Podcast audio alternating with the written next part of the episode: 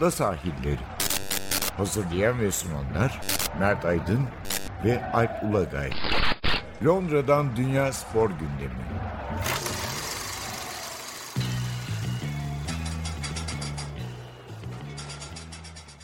Ada sahillerinden merhabalar. Ben Alp Ulagay. Ben Mert Aydın. 116. bölümümüzde gündemimiz nedir? Önce biraz bir karışık bölüm yapacağız.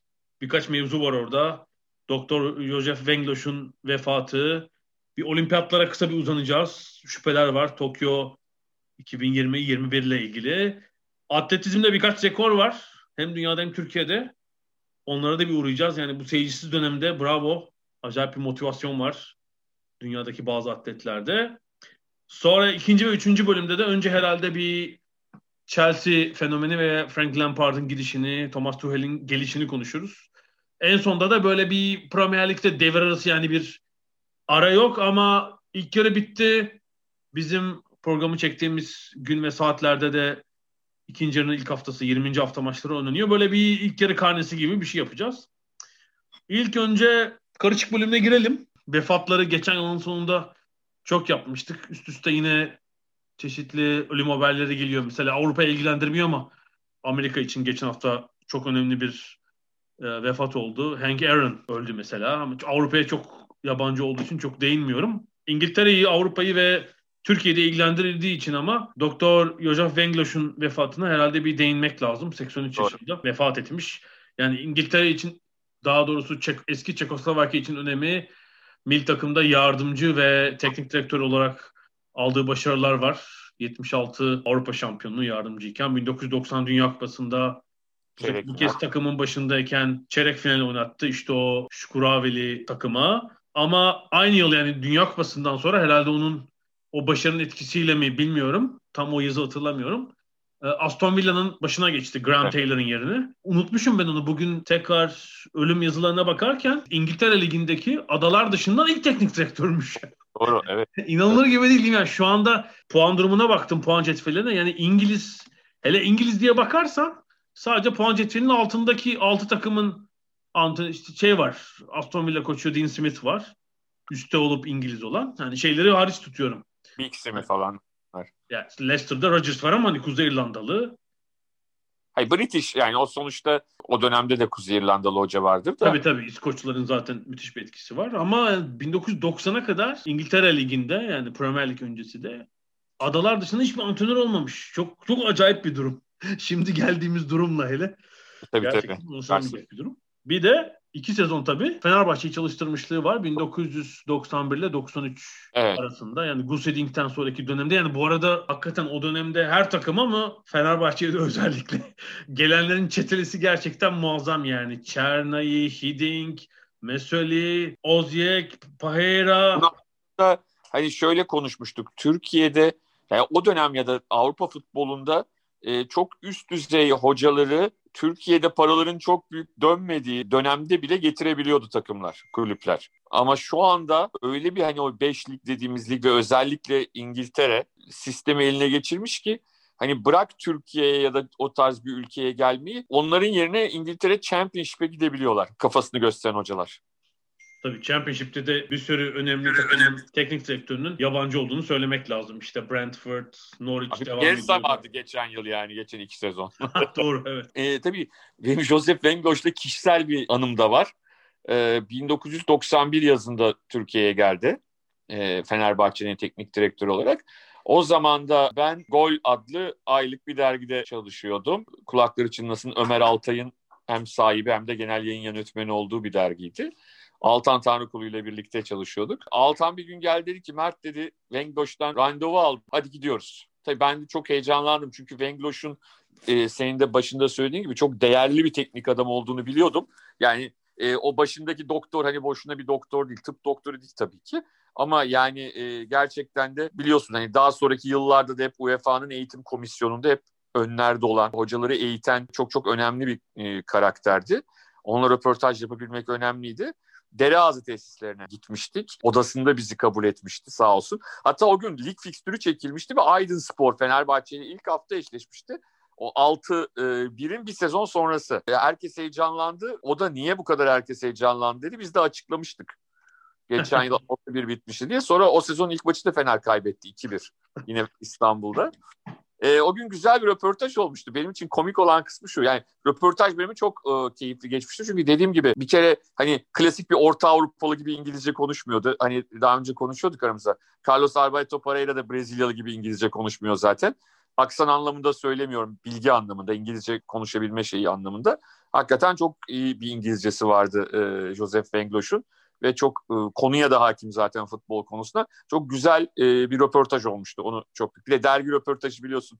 Gazete röportajı gibi olmuyor. Yani ille güncel e, çok güncel şeyleri konuşmak zorunda da değilsin.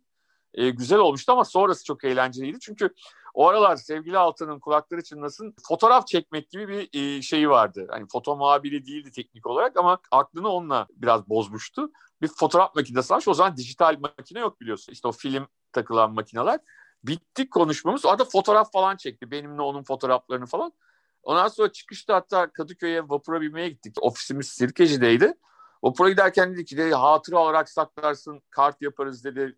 Çok güzel Engloş röportajlarını çektik dedi. Güzel. Ofise gittiğimizde e, makineye film koymadığını fark etti. yani çekmiş ama film yok. filmsiz bir makineyle çekmiş ve doğal olarak benim e, Rengloş'la fotoğraflarım gerçekleşmedi. Sonra gidip o idmanda falan resimler çekti onları kullandık röportajda. Daha sonra aslında ilk sezonu fena değildi Fenerbahçe'de şampiyonluk yarışı son haftalara kadar sürmüştü Beşiktaş'la Fenerbahçe adına. Ama sonraki sezon Fenerbahçe için pek parlak geçmedi. Avrupa'da da ilk turu Fenerbahçe atladı. Sen de hatırlarsın Botev Plovdiv'i elemişti Fenerbahçe Bulgar takımını. İkinci turda Çeklerin Sigma Olomouc takımıyla eşleşmiş ve maalesef 7-1 ilk maçı 1-0 kazanmıştı. İsmail e, Kartal'ın penaltı golüyle ama rövanş maçında 7-1'lik hezimetle karşılaşmıştı Fenerbahçe. O birazcık o sezonun tadını kaçırdı ve e, son haftalarında da sezonun Fenerbahçe aslında bir ara lider olmuştu ama son haftalarda üst üste puan kayıplarıyla yanlış hatırlamıyorsam Avrupa Kupaları şansını da kaçırarak sezonu tamamladı. Bengloş'un ikinci sezondu ve Bengloş da ayrıldı. Daha sonra Celtic'i de yine Britanya'da çalıştırdı. İngiltere ya Fenerbahçe'den önce İngiltere'deki tek sezonu ise pek parlak geçmemişti. Ki Aston Villa'nın iyi olduğu bir dönem ama Ligi tanımayacağım ligi. Graham Taylor'dan sonra herhalde onun yerine göreve geldiği için belki bir yabancı teknik direktörün yadırganması da söz konusu. Yani ya bir de Graham Taylor'ı evet. Tek yabancı oyuncunun olmadığını evet. ağırlıkla büyük ağırlıkla e, Britanyalı adalı oyuncuların olduğunu düşünürsek Aston Villa ancak 17. olabilmiş o sezon. Bir de Graham Taylor da e, o da toprağı bol olsun. Yani defansif fazlasıyla defansif oynatan eski ekol bir hocaydı.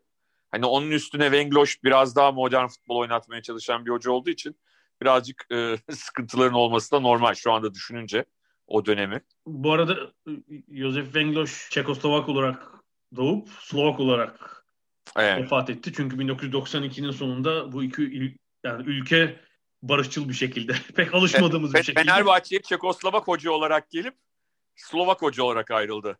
Evet, Fenerbahçe'den sonraki iki yıllık görevi zaten Slovakya milli takım antrenörüydü. Ondan sonra Umman'da bir sezon çalışmış. Bir sezon Celtic var. Sonra da kısa bir süre Japonya. Yani 2002'den sonra yanılmıyorsam zaten takım çalıştırmamış uzun bir süredir. Josef Wengloş'u böyle almış olalım.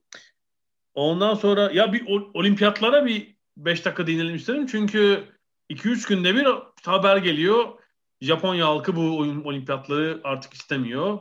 Hatta The Times gazetesi herhalde. Hafta evet. sonu pazar ya da pazar günü böyle bir son dakika gece yarısı bir haber çıktı. Evet. Ee, içeriden alınan bilgilere göre yani olimpiyatlar olmayacak.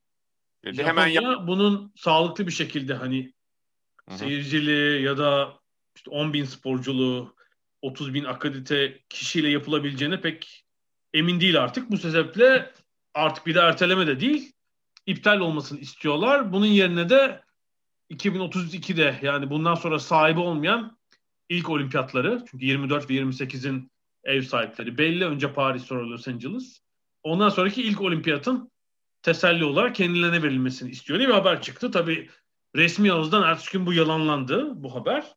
Ama bence de bu ihtimal giderek artıyor çünkü yani aşı işte belli ülkeler uygulanmaya başladı. Hani İsrail önde, Birleşik Arap Emirlikleri ilginç şekilde bir sürü konuda beceriksiz olan İngiltere daha doğrusu Birleşik Krallık'ta hızlı gidiyor bu mesele. 7 milyonu geçti aşılanan kişi sayısı. Evet. Ee, ama mesela Japonya'da aşıya bakış anladığım kadarıyla çok iyi değil yerel halkta. Ee, bu böyle bir direnç var. Bunun kararını da şeyde veremezsiniz. Eğer iptal olacaksa hani 15 Haziran'da verilemez bu karar.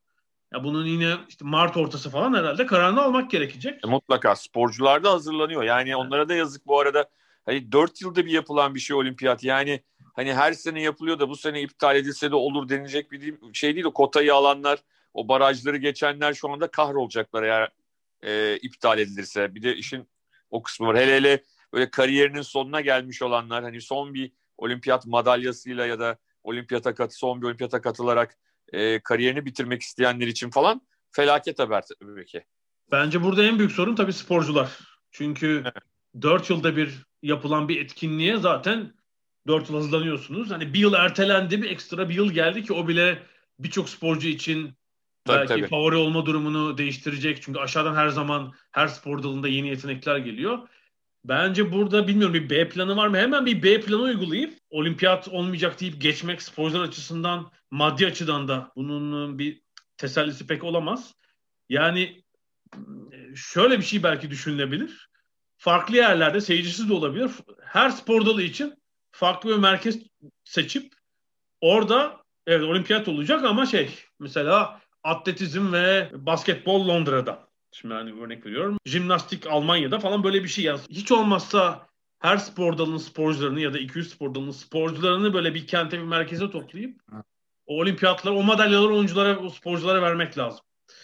Yani çok büyük bir hayal kırıklığı, büyük bir kayıp olur. Yani bir kuşak neredeyse olimpiyata atlamış olacak. Bir dahaki yaz, olimpiyatı başka bir aksilik olmazsa dünyada 2000 e, daha doğrusu 2016'dan sonra 2024 yani 8 yılda potansiyel sporcuların yarısı o spor dalını bırakmış olur zaten. Onlar artık bir daha yarışamazlar. Bırakmayanlarda bırakmayanların birçoğu da o formunda olmayabilirler. Biliyorsun bu sporcuların, dünyadaki sporcuların büyük bir kısmı bu yarışma karşılığı sponsorluk anlaşmaları yapıyor. Hani hep göz önünde en meşhurlar, en ünlüleri bazen görüyoruz ama yani alt seviye belki sadece katılacak ya da ülkesi için önemli olan birçok sporcunun özellikle bireysel sporlarda çok zor durumda olduğunu biliyoruz. Ama mutlaka böyle bir alternatif olimpiyat yani Tokyo'da olmayabilir ama o yarışmaları yapıp o madalyaları vermeleri lazım bir evet. şekilde. Seyircisiz de olabilir. Yani pek seyircili olacağına ihtimal vermiyorum.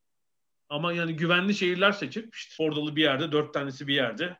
Kaç spor dalı vardı? 28 mi? 30 mu? 29. Yani bir yere paylaştırıp böyle bir şey yapmak lazım. Evet. Güzel haberler de verelim. Atletizmde böyle üst üste rekorlar geldi. Ee, üç adımda rekor kırılmıştı iki hafta önce. Hafta evet. sonu da Amerika'da onlar bir yarışma serisi başlattılar işte seyircisiz tabii. Orada geçen yıla müthiş geçiren Amerikalı gülleci Ryan Crouser ki iki yıldır falan açık hava gülle dünya atma rekorunun peşinde.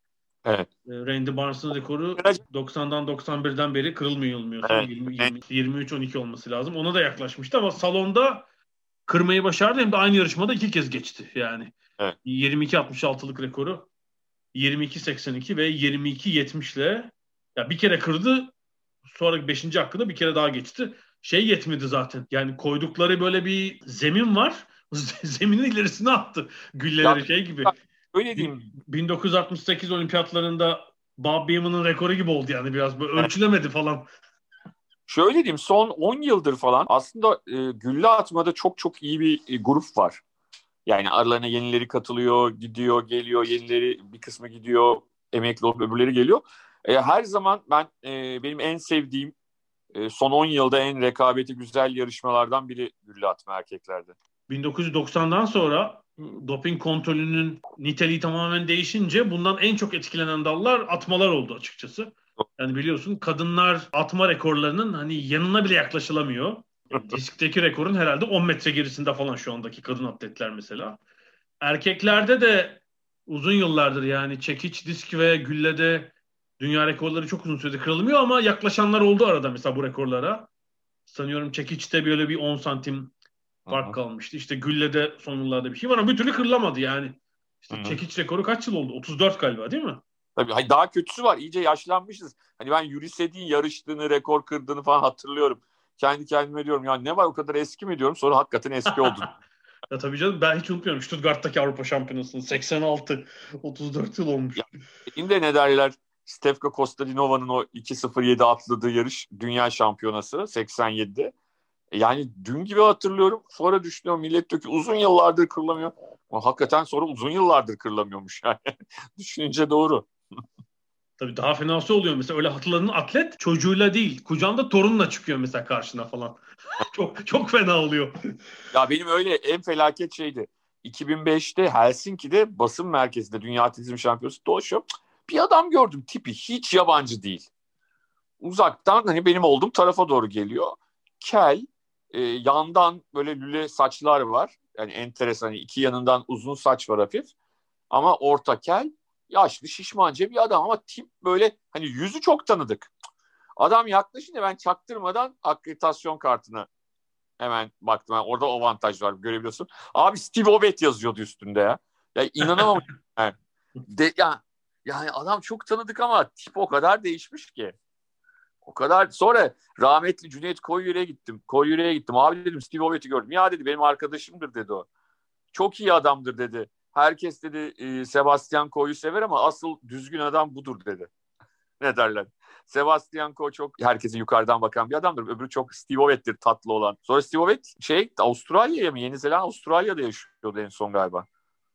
Oğlu da bisikletçi falan oldu onun. Bu arada Türkiye'den de bir rekor haberi var. Evet. Uzun yıllardır kırılmayan bir rekor da Türkiye'de kırıldı. Evet. Ersu Şaşma 5.71 atladı sırıkla yüksek atlamada salonda. Hem salon rekorunu kırdı hem de yeni bu hani salon ve dışarısı birlikte sayıldığı için Türkiye yüksek atlama rekorunu kırmış oldu. Sırıkla. Aslında sırıkla atlama, sırıkla yüksek atlama rekorunu. Aslında Ruhan İlişim'in dışarıda da 5.70'i var. Ee, inşallah Ersu Şaşmadan onu da geçmesini bekliyoruz ve maalesef hani antrenörünü kaybettikten kısa bir süre sonra bu gerçekleşti. 25 yıllık falan da değil mi rekor yani 90'ların herhalde ortası. ortası 90 galiba 30 yıllık falan o da ya 90'ların başı olması lazım. Yani Ruhan İşim işte benim gazeteciliğe başladığım dönemin yıldızıydı. Gerçekten çok kaliteli bir atlet ve düzgün bir adamdı. Ee, zaten e, rahmetli Cüneyt abinin de desteğiyle e, Amerika'ya gitti. Zaten rekor da Amerika'da kırdı zannediyorum. Orada aslında üst düzey atletlerle birlikte çalışıyordu ve o 5.70'i salonda şeydi Amerika'dayken gerçekleştirdi. Ee, yani bunu, bunu hatırlayalım bir de komple atlet yani aynı anda hem yüzon engelli hem sırıkla atlama tabii tabii. Türkiye rekortmeni. Yüzon engelciydi aynı zamanda. Hı. Gibi yüzon engelciydi. Yaklaşık benim yaşlarımdadır o ya. Yani ya benden bir yaş büyüktür, ben nedir, o civardadır yani. Ee, 90'ların başında fırtına gibi esen atletlerden bir tanesiydi. Ama yani buraya kadar hani artık bu, bu rekorun kırılması gerekiyordu. E, nihayet e, genç bir atlet e, Ersu Şaşma tarafından kırıldı. Umarım devamı gelir. Çünkü hani biliyorsunuz sırıkla yüksek atlamada da güzel bir takım şeyler oldu. Bir tane Ukraynalı hoca geldi. Bizim Türk hocalara da yardımcı oldu. E, Adana civarında bir üst kurdular. Kızlarda çok iyi e, sırıkla atlamacılar yetiştirmeye başladık. E, bence o güzel bir şey. Yanlış hatırlamıyorsam Bupka'nın tavsiyesiyle hoca gelmişti. Hatta ben hocayla tanıştım ama Türkçe falan da konuşabiliyordu. Hani öğrenmiş. Öyle bir ekip kurulmuş, üst kurulmuş. Orada antrenörler de ondan yararlanıyordu. Bu tip şeyler bir yerden sonra eğitim, iyi eğitim verilirse e, sonuçlar da yavaş yavaş iyi olur diye düşünüyorum ben. Bunun örneklerinden bir tanesi yani. Evet, karma bölümümüzü burada kapatalım. Kısa bir ara verelim. Az sonra görüşeceğiz.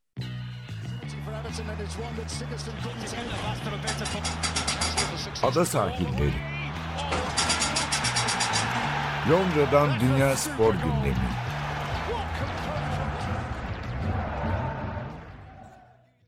Ada sahiline devam ediyoruz. Bu biraz da Premier Lig'e uzanalım. Aslında böyle bir ilk yarı karnesi yapacaktık. Premier Lig'de gecikmeli ilk yarı. Ocak sonu bittiği için ama tabii pazartesi gününden beri olan gelişmeler biraz yönümüzü değiştirdi. Beklediğimiz üzere geçen haftalarda da konuştuğumuz şekilde Chelsea teknik direktör Frank Lampard'ın görevine son verdi. Pazartesi sabahı yerine de apar topar ama bence daha önceden anlaşılmış şekilde e, Paris Saint Germain'den birkaç hafta önce ayrılmış Thomas Tuchel'i getirdiler. yani Chelsea'nin kulüp kültürü düşünüldüğünde sürpriz bir durum değil. Yani yıllardır böyle yönetiliyor bu kulüp. Ee, benim antipatik bulma sebeplerimden biri Chelsea'yi bu. Yani bu sabırsızlığı. Yani bugüne kadar öğüttükleri antrenörün haddi hesabı yok. O yüzden yani ne Avrupa şampiyonları, dünya şampiyonları gitti bu takımdan birkaç ayda. O yüzden Frank Lampard'ın bu kötü performansla gitmesinde şaşılacak bir durum yok. Ee, ben hakkında şüphelerim vardı ama iyi bir sezon geçirmişti geçen sene. Özellikle gençleri takıma monte ederek. Tabii yasak da vardı, transfer yasağı da vardı. Elbette. Ee, ama bu sezon bu yatırım yaptıktan sonra bence sezon sonuna kadar en azından götürmeliydi ama büyük risk altında olduğu belliydi. Ve yani işte bu 8.liğe 9.luğa düşünce de herhalde Abramovich yakın dostu da olan Lampard'dan vazgeçti ve uzun süredir herhalde aklında olan bir ismi, daha tecrübeli ismi Thomas Tuchel'i takımın başına getirdi. Ee, dediğim gibi yani Chelsea gibi özellikle Abramovich 2003'te satın aldığından beri bu öğütme kültürünü böyle iyice benimseyen bir kulüp için Hı. şaşırtıcı değil. Ee, işte pazartesi sabahı 8'de Lampard'ı arayıp kulübe toplantıya çağırmışlar. Yani tahmin edebileceği bu bir görevden alma toplantısı. İşte sportif direktör olarak geçmiyor galiba. Marina Granovskaya görevden almayı bildirmiş kendisine. Geçen haftaki çok kötü Leicester maçında da zaten oyuncularına böyle veda eder gibi bir maç sonu görüşmesi Aha. yapmış galiba. Ama pazartesi tabii idman sahasına gidip yeniden veda etme imkanı olmadı. Yani Lampard'ın Chelsea'de yaptıklarını düşününce bu sezon yani elinde ligin en geniş kadrolarından biri var. Yani en iyi demesek bile en geniş kadrolarından biri. Bir türlü kadrodaki taşları yerine oturmayı başaramadı. Özellikle Aralık ayından itibaren kötü futbolun seviyesi arttı ve herhalde geçen haftaki Leicester mağlubiyeti son nokta oldu artık. Evet. Çok son 8 maç 2 galibiyet sadece değil mi? Son 8 maçta 2 galibiyet alabildi takım. Bizim yayın yaptığımız gün Tuval'in de ilk maçı oynandı. Çok tatsız bir maçta Wolves'la 0-0 kaldılar. Maç eksikleri yok. Arsenal'la puan puanalar. Ya Arsenal'ın şeyi konuşmuyor muyduk? Bu Arsenal küme mi düşer diye. Evet. evet. Aynı puandalar yani. Ve yani iki takımın elindeki kadro kalitesini düşünürsek büyük ayak kırıklığı tabii. Yani, yani aslında hani geçen yıldan beri bizim konuştuğumuz bir şeydi ama geçen yıl çok önemli bir mazereti vardı. Yani transfer yapılamamıştı. E, genç oyuncuları monte ediyordu. O yüzden de sonuçta sezon sonundaki yeri de takımın başarı olarak bile kabul edildi yani başarılı olarak bile kabul edildi. Yeni transferlerle ki çok parlak hücum oyuncuları takıma e, katıldı. Çok önemli, çok tecrübeli e, Thiago Silva gibi bir savunma oyuncusu takıma katıldı. Ama işte Werner, Havertz, Ziyech bunlar türlü takıma oturamadılar. Bir kısmı sakatlıktan, bir kısmı e, Premier Lig'e uyum sağlayamadı. E, bu da sonuçta Lampard'ın gidişine neden oldu. Birazcık ben şeye benzetiyorum meşhur Marquez'in e, vardır ya kırmızı pazartesi. Kırmızı. Yani ön, çok önceden yani bir cinayet olacak herkesin bildiği bir cinayet oluyor. Yani bu da kovulacaktı. Yerine Tuhel gelecekti. E, hepsi gerçekleşti. E, Marquez'in romanının uzun tercümesi neydi? Yani bilinen bir cinayetin anatomisi evet, miydi? Evet. Neydi zaten değil mi? Evet. Evet, evet. Bu da öyle yani. Çok herkesin bildiği bir evet. kovulmanın hikayesi yani, gibi bir şey oldu. Da belli, yerine kimin geleceği de belli. E, öyle bir durum oldu yani. Bu arada tabii Gerard'ın açıklaması ilginç. E, o da çünkü yıllarca aynı kulüpte değil ama milli takımda yan yana oynadılar. Ki e, Rangers'ta yaptıklarıyla Steven Gerrard aslında başta Liverpool'un gelecek hocası olma ihtimali olduğu gibi başka bir Premier Lig kulübüne de herhangi çok e, iyi bir gidişat içinde Rangers'a yıllardır e, o alt lige düştükten sonra döndükten sonra başarılı olamayan Rangers'ı e, başarıdan başarıya koşturuyor çok net bir şekilde. O da e, Chelsea'ye salladı yaptığı açıklamayla işte zaten bunu yapacaklarını biliyorduk e, diyerek Lampard'ı savundu. Ama maalesef yani bir yandan dolu romantik yanını savunuyoruz, hoşlanıyoruz ama maalesef hani hele Premier Lig gibi aşırı derecede endüstrileşmenin hani e, merkezi haline gelmiş bir yerde maalesef şampiyonluk için kurulan bir kadronun 8 maçta 2 galibiyet almasını kimse ve de bahsettiğin gibi dalga geçilen Arsenal'le maç fazlasıyla bile aynı puanda olabilmek e, olmak e, çok kolay kaldırılabilir bir şey değil. Hele de Roman Abramovich gibi bir kulüp sahibi varsa. Yani hayatın gerçeği bu maalesef biz sevmesek bile. E, bundan birkaç yıl öncesine kadar yani 8-10 yıl öncesine kadar İngiltere Ligi'nde aslında dört takım belliydi Şampiyonlar Ligi'ne giden. Yani o zaman e, hocalar şampiyon olamadıklarında bile en azından hani kulübü Şampiyonlar Ligi'nde temsil etmeyi neredeyse işte cepte görüyorlardı. Ve Teselli vardı değil mi? Bir tesellisi vardı. Tabii öyle bir durum da yok. Ciddi şekilde her sene e, önemli yatırımlar yapan, akıllıca yatırımlar yapan başka başka kulüpler çıkmaya başlıyor. Ve böylelikle o puan farkları e, açılıyor. Takımlar kötü gittiklerinde ilk dörtün uzağında kalabiliyorlar. Yani şu anda Abramovich o riski göze alamadı Chelsea kulübü. Yani bununla devam edersek hani bırak şampiyon o gitti de hani ilk dört konusunda ciddi şüphe uyandıracak bir noktaya geldi Chelsea şu anda. Bu arada şu Gerard'ın yorumu hakkında bir şey söylemem lazım. Bozacının şahidi şıracı diyorum. yani Gerard yani Isco herhalde Rangers'la yaptığı yaptıklarıyla Premier Lig'de büyük bir takım çalıştırdığını hak ettiğini umarım düşünmüyordur. Yani İskoçya Ligi'nin şu andaki seviyesi İsviçre'nin falan altında yani. O başka bir şey. Açıkçası ama öyle düşünüyor. Ondan sonra hani hak ettiği yer bence Championship falan.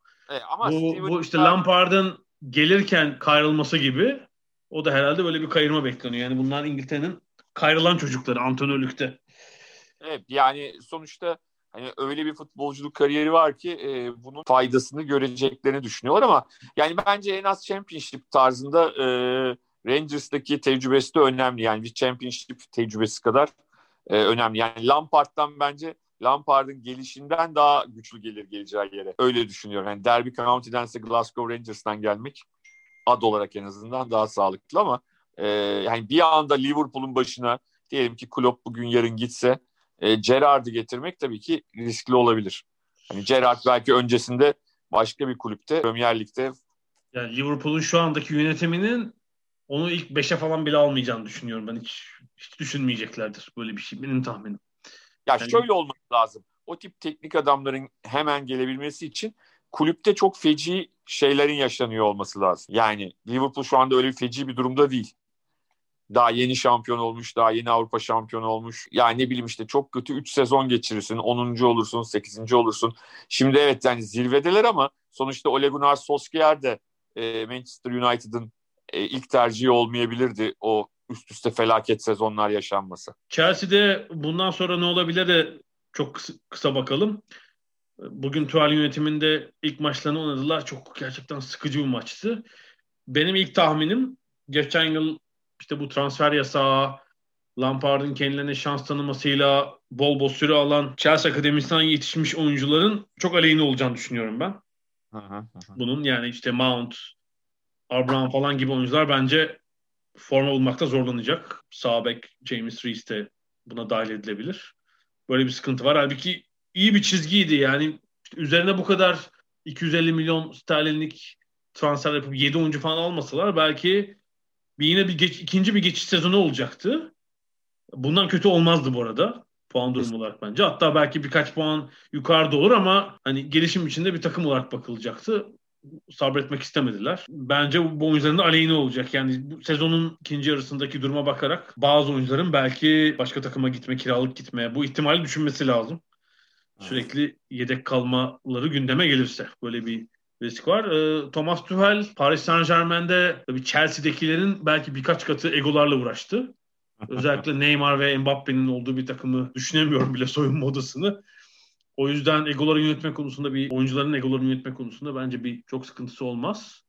Ee, ben ağırlıkla da daha önceki takımlarında hani hücum ağırlıklı oynatan bir hoca. Evet.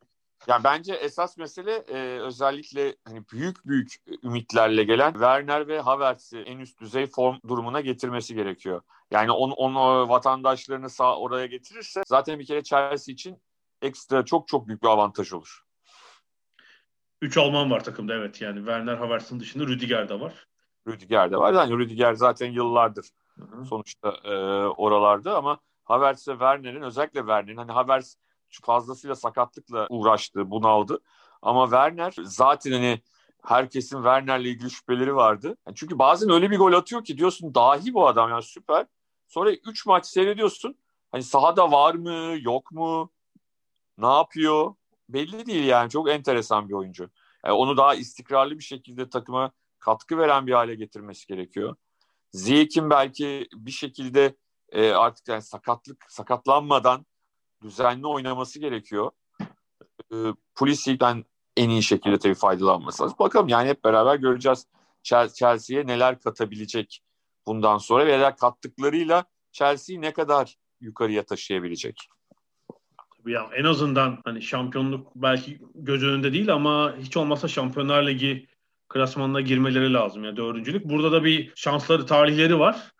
Yani her takımın puanı düşük. İşte yani 5 puan gerideler şu anda dördüncülükten. E, büyük bir şey değil yani iki maçta kapanabilecek bir fark. Evet. Bayağı puan cetvelinde üst sıralar sıkışık olduğu için üst üste alınacak galibiyetler birden durumu değiştirebilir. Önlerinde de böyle bir 4-5 maçlık fena fikstür yok Şubat sonuna kadar. Takımla biraz daha uzun süre çalışma imkanı bulunca yeni bir sürece girebilirler. 4 Şubat'taki Tottenham maçı kritik olacak. Yani Tottenham deplasmanı. O maç kilit bir maç olabilir. Sezonun devamı için moral verecek bir maç olabilir. Var mı Lampard ve Chelsea'ye dair başka bir şey? Yok artık yok. Bakalım e, bundan sonra Lampard kendi, hani bu şeyin Premier Lig'in e, teknik direktör rotasyonu içinde mi yer alacak yoksa Championship'te mi gidecek yoksa ne bileyim her şeyi bırakıp e, televizyon yorumcusu mu olacak? Bunları merak ediyorum önümüzdeki e, haftalarda Lampard'ın kariyerinin e, nasıl şekilleneceğini açıkçası merak ediyorum. Çünkü Türkiye'de de çok yaşadığımız bir şey. Bazen e, işte böyle Lampard gibi kulüplere simgesi olmuş ve sonra teknik adamlığa başlamış kişiler genç yaşlarda o kulüplerin başına geliyorlar ve işleri iyi gitmezse gönderiliyorlar. Sonra biz e, bocalama döneminden sonra onları daha alt seviyede takımlarda görüyoruz ve başarılı da olabiliyorlar. Yani benim için bunun en güzel örneklerinden biri Rıza Çalınbay'dır mesela. Bu tarz e, teknik adamlar var Türkiye'de, dünyanın her yerinde de. Lampard'ın bundan sonra kendini kanıtlama çabası nasıl olacak? Çünkü eminim ben Lampard gibi işte genç oyuncuları üzerinden takım kurmaya çalışan hocaları seçecek İngiliz takımları olacaktır önümüzdeki dönemde. E, şampiyonluk hedefi de taşımazsa, daha da rahat olursa e, belki çok farklı işler görebilir. Mesela Southampton gibi mesela gençlik akademisi çok başarılı olan bir kulüpte Hasan Hüttel'ın ilerleyen dönemde ben Premier Lig'de daha üst düzey bir takıma geçeceğini düşünüyorum. Mesela Lampard genç oyuncuları kullanarak iyi şeyler yapabilir. Kendisinden de şampiyonluk şu bu beklenmezken daha rahat olabilir.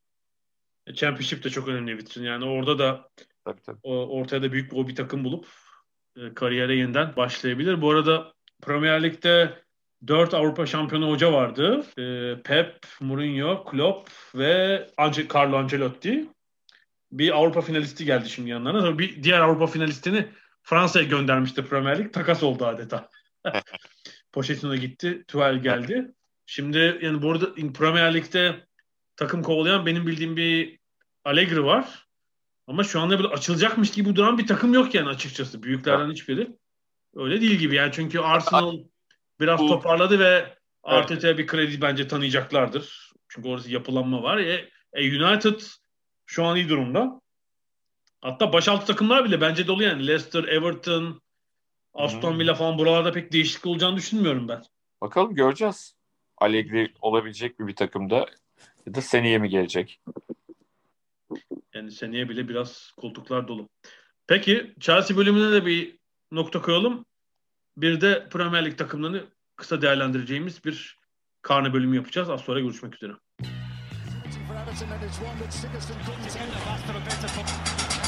Ada sahilleri. Londra'dan Dünya Spor Gündemi.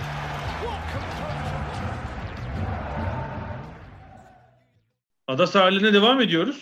Ee, Premier Lig'de aslında hafta ortası 20. hafta maçları maç haftası oynanıyor. Kaydı yaparken maçların birkaçı oynandığı bazıları oynanıyor. Yani onu özellikle üzerine durmayalım. Sadece Manchester takımlarının fena gitmediğini ama City'nin lige ciddi bir ağırlık koyduğunu söylememiz lazım. Gümbür gümbür gidiyorlar açıkçası. Gol falan yemeden.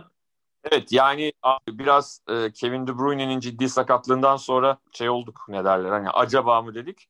E, West Bromwich maçı hani ölçü olur mu olmaz mı ama çok 5-0'lık e, görkemli bir galibiyet. İşte yine VAR'ın şeyi karara etkisi tartışıldı gol gole ama Manchester City açısından hani savunma oturmuş, takımın oyunu oturmuş görünüyor. De Bruyne'siz de e, West Bromwich'e tamam ligin zayıf rakiplerinden takımlarından biri ama 5 tane attılar. Yeni evet, golcü yani İlkay, İlkay Gündoğan ya. Takımın en golcüsü. Evet yani İlkay Gündoğan bir anda Premier Lig'in en üst düzey orta saha oyuncuları arasında öne çıkmaya başladı. Yani ge- geçen yıllarda da iyiydi ama hani bu sezon sanki çok daha fazla dediğin gibi gol atmaya, önde takımın hücumuna yön veren önemli roller üstleniyor. Ya şöyle bir şey David Silva zaten yaşlanmıştı biraz. Yazında takımdan evet. ayrıldı. Ben mesela Foden'ın tam onun alternatifi olan oyuncu olmadığını düşünüyordum hep. Tam oraya bir alternatifi bulamadı Guardiola. Denemeler yaptı. E, İlk ayda biraz fazla defansif gibiydi ama yani son haftalarda, son bir aydır şunu görüyoruz. İlk ayı evet öyle bir 8 gibi oynatıyor ama defansif görevden ziyade daha ileri itiyor. Ve İlkay hep cezanın oralarda. Bir de hani biliyoruz ki tabii İlkay Gündoğan komple bir oyuncu. Ofans defans dengesi eşit olan bir oyuncu yani çok iyi pres yapar, top kapar ama aynı zamanda çok iyi bir pasör. E, bunun yanına çok iyi gol vuruşları ekleyince bir anda takım içinde gol kralı oldu. Yani şu anda hani en zayıf noktası tabii ki e, City'nin gerçek anlamda bir forveti, golcüsü yok. Yani var da yok. Oynayamıyor işte. Yani Agüero artık. Yani bence ge- gelecek sezona en azından Manchester City e, öyle bir oyuncu almak zorunda gibi geliyor bana. Agüero'nun zaten sözleşmesi bitiyor. Ben uzatılmayacağım. Agüero'nun da kalmak istemediğini düşünüyorum. Ee, ya uzatsa malum ailesi zaten. yani oynayamıyor Manchester'da yaşamıyor Agüero'nun. Arjantin'de yaşıyor. Biraz evet. da bu özlem sebebiyle ben onun Arjantin'e dönebildiğini düşünüyorum açıkçası. Hani herhalde e, sağlık seviyesi de çok böyle bu tempolu Premier Lig'de oynamasına müsaade etmeyecek zaten. Tabii tabii yani o yüzden de o tip bir oyuncuyu en azından bir ya da iki oyuncuyu hatta e, kadrosuna katmalı. Peki e, şu ilk kedi karnesine biraz bakalım. Ben böyle hani kendimce peki iyi orta geçer zayıf diye notladım takımları ve sadece iki takıma peki verebildim ilk yarı karnelerine. Biri Leicester, biri Aston Villa. Yani bu karneyi evet, yaparken yani... de hem puan cetvelindeki yerlerini hem de oynadıkları oyunları. Tabii harcadıkları para, e, ellerindeki Beklenti. Kadronu, ne, ne bekliyoruz o takımdan? Şimdi Leicester evet hani başaltı ol, takım olmasını, 5. ile 6. oynamasını bekliyorduk. Ama hani bu kadar istikrarlı oynamalarını böyle bir herhalde iki maçta falan böyle bir çok kötü oyunları var. Bunun dışında hem iyi oynuyorlar, e, büyük evet. takımlara karşı da iyi oynuyorlar bu sefer. Ve eğlenceli bir takım Leicester. Yani iyi oyuncuları evet. var. Çok da kadrodaki tüm oyuncuları iyi kullanmayı başarıyor Brandon Rodgers. Ben de hem ligdeki yerleri ve oynadıklarının açısından pek yalan takımlardan biri. Biri de bir diye de bence Aston Villa. Yani biz de birçok futbol otoritesi de İngiltere'de hani küme düşmenin en büyük 3-4 adayından biri gibi görüyordu. E şu an maç eksikleri var Aston Villa'nın. Yani iki maç eksiğini kazansa Şampiyonlar Ligi klasmanında olacak. Yani eldeki malzemeyi iyi kullanan, iyi eklemeler yapan bir takım. Bir de ben bir takıma da e, yani pek iyi verebileceğimizi düşünüyorum ya. Tabi bu zaten benim pek iyilerim. Tamam, ben onlara katılıyorum. Bir takıma daha ver, vermek istiyorum. Bir futbol dahisinin yönettiği bir takım. E, West Ham United. bir futbol dahisinin yani o biliyorsun Manchester United'ı çalıştırırken David Moyes, David Moyes'la dalga geçmek için bir uçak tutulmuştu ve evet, David evet. Moyes'e Football Genius diye bir e, pankart açılmıştı uçaktan.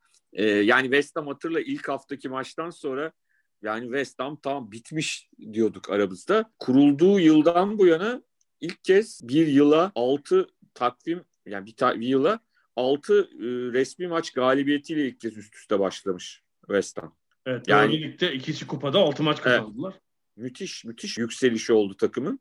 Ee, o yüzden de hani West Ham'ın da aslında beklentilerin üstüne çıktığını ben düşünüyorum. Açıkçası. Ben, e, benden iyi, benden iyi, de onlara pek iyi. E, ben West Ham'ı iyiler arasına aldım. Yani iyi verdiklerim. Hı-hı. iki Manchester takımı. Everton, Tottenham, West Ham ve Southampton. O öbürlerinin hepsine katılıyorum. He. Sadece ben West Ham'ı West Ham'ı daha yukarı almamın sebebi bence oyunları çok çekici değil. Yani böyle bir eğlenceli oyun oynamıyorlar. Performans çok iyi. Bir de hani ilk 19 hafta işte bu haftayı da kale almamıştım. Beklentinin çok üzerindeler tabii. Biraz oyunlarının çok gözü aç gelmemesi sebebiyle ben onları iyi yendirdim. Yoksa beklentinin çok üstünde aldıkları doğru. İki Manchester takımı iyiler. Doğru. Yani sezonu geç açtıkları için fiziksel olarak hazır değillerdi sezona ve ikisi de kötü başlamıştı. Hem geç hem kötü başlamışlardı. Unutmayalım herhalde 3. haftaydı. City kendi sahasında Leicester'dan 5 yemişti. Doğru. Herhalde bu sezon olmayacak. Guardiola'nın koltuğu bile tehlikede mi falan diye düşünüyorduk. Oradan birden özellikle Aralık'tan itibaren iş değişti orada City için. E, United'da 6 yemişti. Kaçıncı haftaydı o da? 4 ya da 5. Hepsi bir hezimete uğramışlar. E, Everton çok iyi başladı. Ortada bir mini kriz ama Carlo hocam onları toparlamayı başardı ve yani Şampiyonlar Ligi için oynayan bir evet. Takım oluşturmayı başardı. Yani Tottenham da bence e, Mourinho ile hiç fena değil.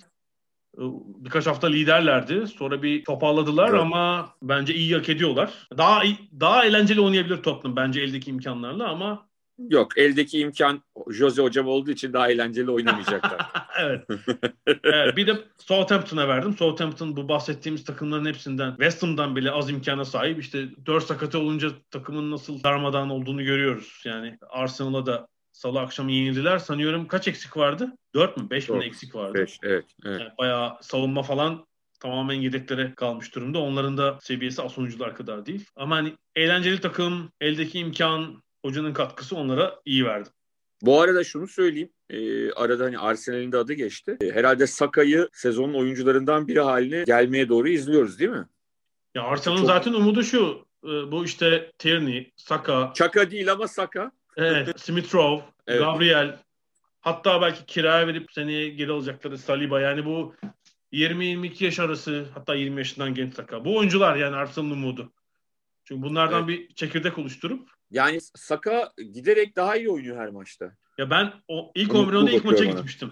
Bir önceki evet. sezon herhalde. Emer oynattı onu. Hı hı. Ya ilk birkaç maç böyle bir moralim bozuldu demeyeceğim. Şöyle bir şeye kapıldım. Ya hani genç oyuncu niye savunmaya yani böyle birkaç maç ileride kalıyor. Savunmaya yardıma gelmiyor. Böyle hani yaşlı oyuncular yapar ya. Bekini evet. yalnız bırakır falan. Böyle birkaç bir, bir iki maç sanki ya o ilk maç öyle bir izlenim edinmiştim. Ama tabii yani çok genç üzerine yeni bir antrenörle çalıştı falan. Hani Saka'nın bence e, olgunlaşma süreci de devam ediyor. E, Arsenal benim orta not verdiğim takımlardan biri.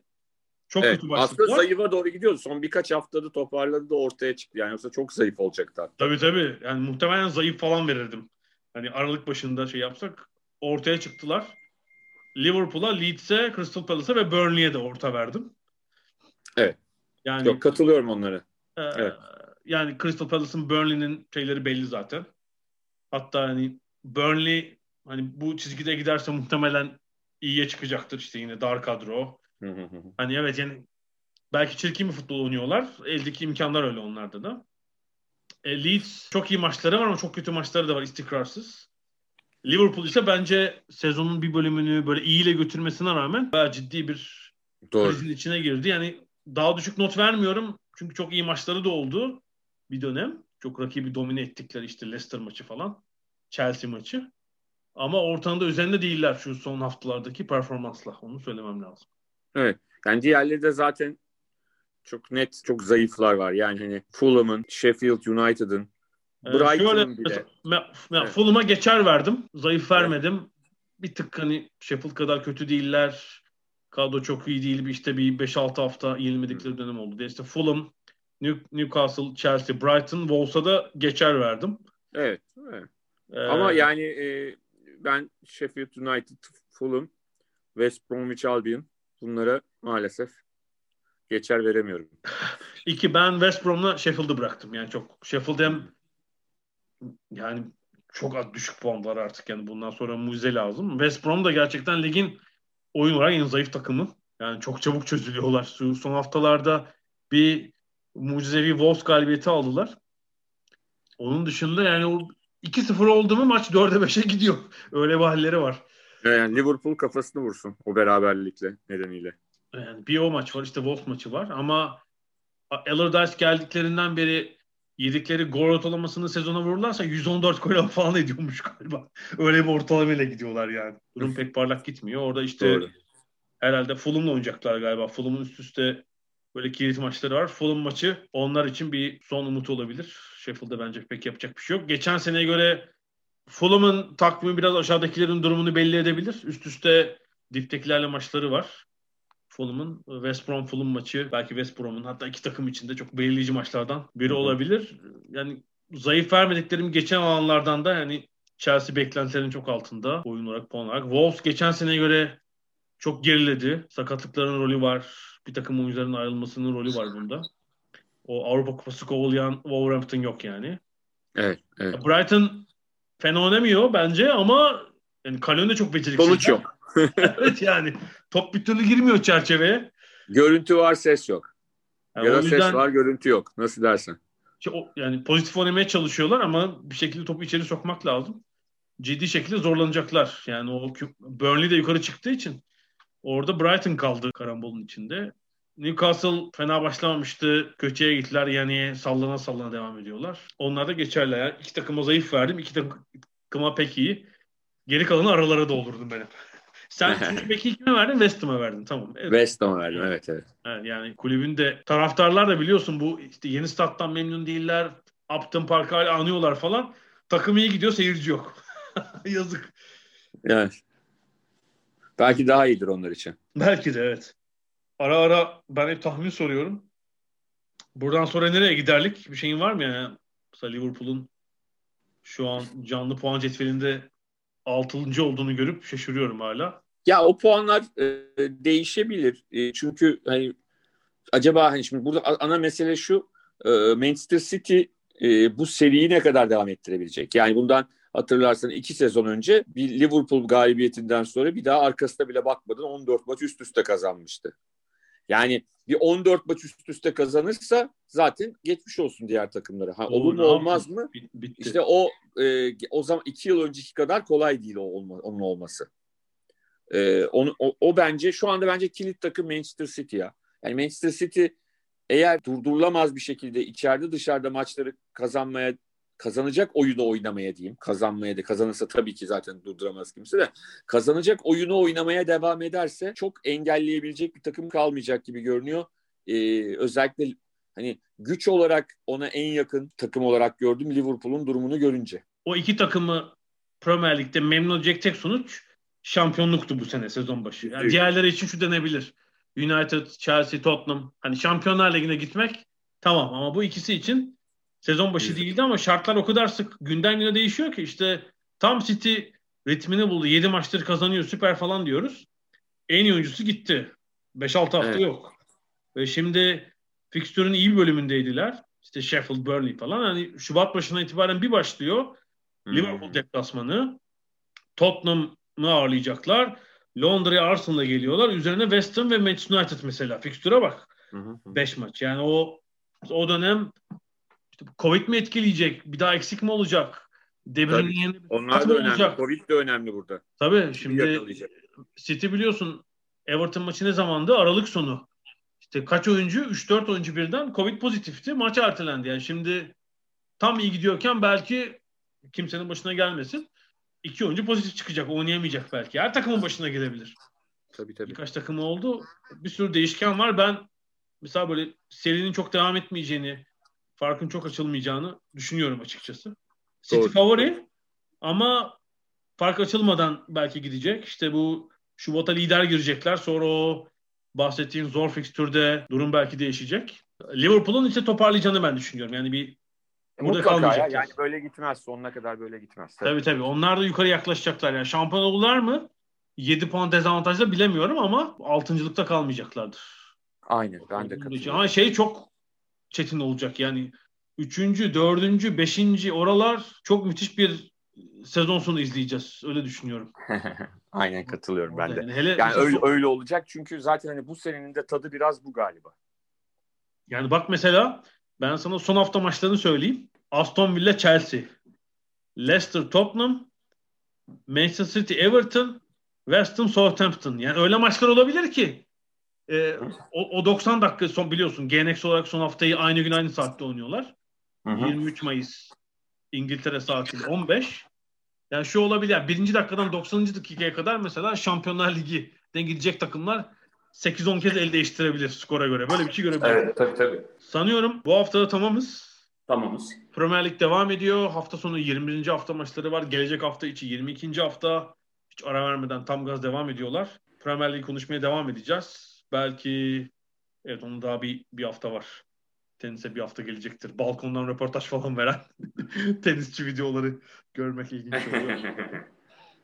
Ona da sıra gelecektir mutlaka. Gelecek haftaya kadar görüşmek üzere diyorum. Hoşçakalın.